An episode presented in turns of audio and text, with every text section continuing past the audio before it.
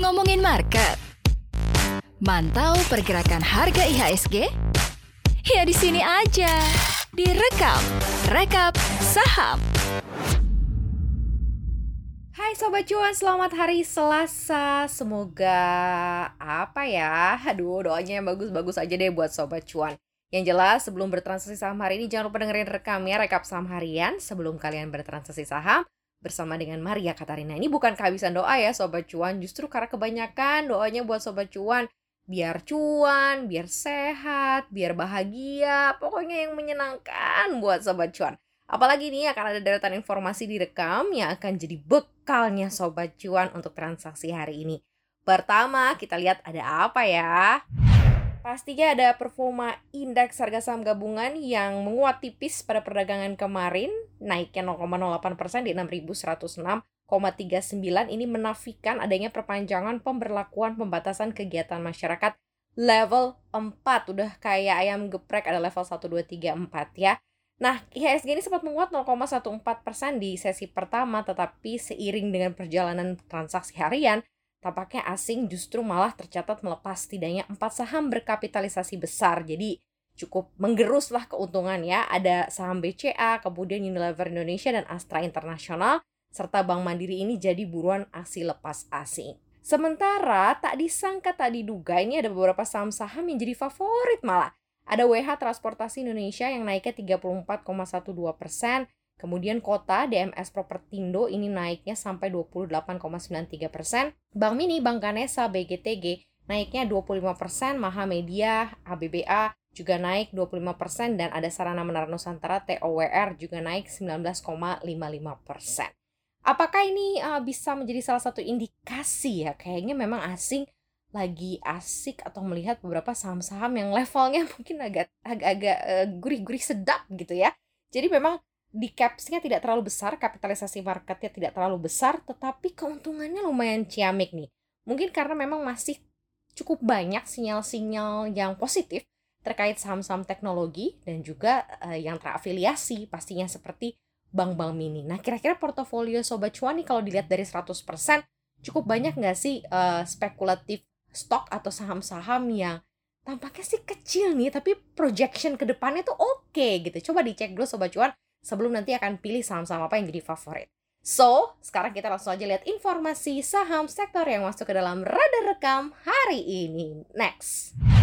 Nah, Sobat Cuan yang kemarin dengerin pantauan saham bersama dengan Triputra dan juga Daniel Wiguna pasti sudah mungkin tahu ya bahwa kita bahas saham-saham uh, level 4 yang gurih-gurih sedap gitu ya, kenaikannya cukup fantastis. Nah, ternyata ada dasarnya nih, karena bank-bank di dalam negeri pun juga berlomba-lomba untuk mengembangkan platform digital untuk membuat transaksi nasabah ini bisa dilakukan lebih cepat tanpa harus ke kantor cabang lebih dahulu. Padahal kalau kita lihat situasi seperti ini kan semuanya pasti butuh kemudahan ya. Bahkan kalau uh, dilihat nih ada transaksi platform digital yang telah mengalahkan transaksi yang dilakukan secara konvensional. Emang susah sih mau ketemuan nih zaman sekarang ngeri.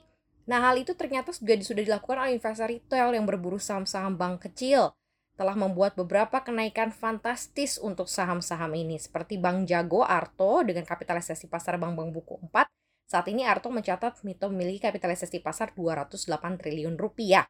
Kemudian Bank Jago ini juga lebih besar ternyata kalau di compare dengan BNI yang memiliki kapitalisasi pasar 92 triliun rupiah walaupun ekuitasnya jauh lebih besar dibandingkan dengan Arto.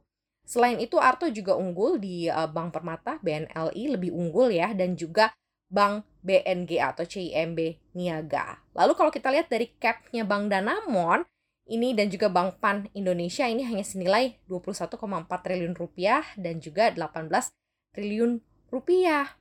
Jadi kalau saham-saham perbankan big cap itu hanya harus memiliki modal di atas 30 triliun rupiah, Arto nih sudah 208 triliun rupiah. Jadi bisa dibayangkan bahwa ternyata kapitalisasinya lebih gitu ya daripada beberapa bank buku 4. Mungkin digabungin aja tuh bank buku 4 baru sama-sama Arto.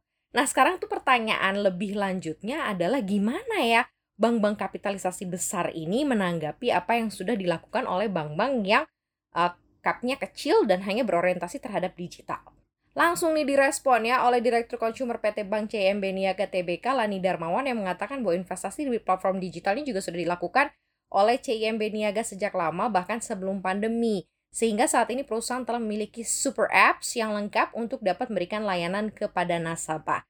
Dia juga mengungkapkan bahwa transaksi nasabah retail menggunakan aplikasi juga terus mengalami peningkatan sekitar 98%, di mana transaksi nasabah sudah dilakukan menggunakan aplikasi. Dan ini pun juga memberikan dampak menurun aktivitas bisnis transaksi nasabah di kantor-kantor cabang sampai di ATM.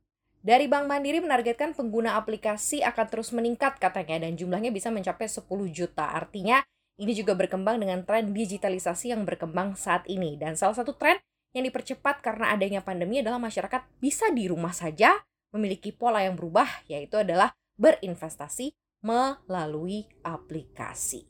Jadi melihat fenomena yang berkembang sih kayaknya bank-bank buku besar atau buku empat ini tidak mau tinggal diam ya bahwa pembaruan juga terus dilakukan dan mereka kayaknya siap menerima tantangan ke depan. Nah, apakah Sobat Cuan cukup bisa melihat balancing ini sehingga mungkin nanti portofolionya ada bank-bank mini, ada bank-bank bank-bank juga yang cukup besar ya. Jadi compare uh, combine uh, portofolio ya. Itu sih bebas aja sih terserah Sobat Cuan. Yuk, kita lihat ada apa lagi setelah ini. Next. Kalau tadi kita bahas mengenai bank-bank big caps yang siap ekspansi kayak Bank Mini, nah sekarang saya ada update nih khususnya dari Grab dan PT Elang Mahkota Teknologi yang resmi bekerja sama menghadirkan solusi digital guna mempercepat ekonomi Indonesia. Managing Director Grab Indonesia Neneng Gunadi menegaskan MTech dan Grab mempunyai portofolio yang saling melengkapi dan hal ini bisa mencapai tujuan inklusi dan menjangkau seluruh masyarakat di Indonesia. Nah, ini akan ada festival Kota Mapan yang akan ada lebih dari 1000 UMKM yang terlibat di mana festival ini untuk pertama kalinya akan diadakan di Kota Solo. Pada kesempatan yang sama, Managing Director PT Lama Kota Teknologi juga mengatakan bahwa komitmen ini diharapkan bisa mendorong digitalisasi UMKM yang baik serta bagaimana memanfaatkan ekosistem platform yang dimiliki oleh MTech Group. Sementara itu, Menteri Koperasi dan Usaha Kecil Menengah UMKM atau UKM Republik Indonesia Teten Mas Duki mengatakan bahwa kerjasama ini akan mampu menyelesaikan dan mengkombinasikan kekuatan ekonomi digital Grab dan grup MTech. Menurutnya, aspek transformasi digital yang dimaksud ini tidak sebatas menghadirkan pelaku usaha, aspek literasi digital kapasitas, aspek pasar, dan juga merupakan hal yang krusial, di mana poin tersebut akan menjadi perhatian Grab dan juga MTech melalui kolaborasi ini. Gak mau kalah ya, pokoknya semua eranya era-era startup, Bukalapak, ada Grab, ada GoTo, pokoknya kita akan lihat deh partinya akan seperti apa. Nah Sobat Cuan pesannya cuma satu, di saat party lagi berjalan ikut party. Tapi party was over harus out dari pasar ya. Jangan sampai nanti ketinggalan nyangkut gak bisa keluar. Itu bahaya. Yang jelas pilih saham yang memang punya prospek bagus. Kalau misalnya prospeknya sudah terlihat agak turun nih dari nilai valuasi fundamentalnya mungkin bisa dipikirin lagi untuk pindah ke lain hati atau ke lain saham ya. Eh ke lain hati jangan sih Oke deh Sobat Cuan, yang jelas sudah deh ya seru-seruannya pada pagi hari ini direkam rekap saham harian bersama saya Maria Katarina. Tapi yang jelas Sobat Cuan untuk hari ini silahkan punya strategi-strategi karena mungkin akan banyak surprise-surprise di hari ini. Jangan lupa ya dengerin rekam dan juga cuap-cuap cuan pastinya di Spotify, Google Podcast, dan Apple Podcast. Follow akun Instagram kita at cuan underscore cuan dan juga kita punya YouTube channel di cuap-cuap cuan. Kita tunggu kehadiran Sobat Cuan dengan komen-komen manis uh, dan lembut pastinya ya. Oke, selamat bertransaksi hari ini Sobat Cuan. Jangan lupa sarapan. I love you all. See you tomorrow. Bye-bye.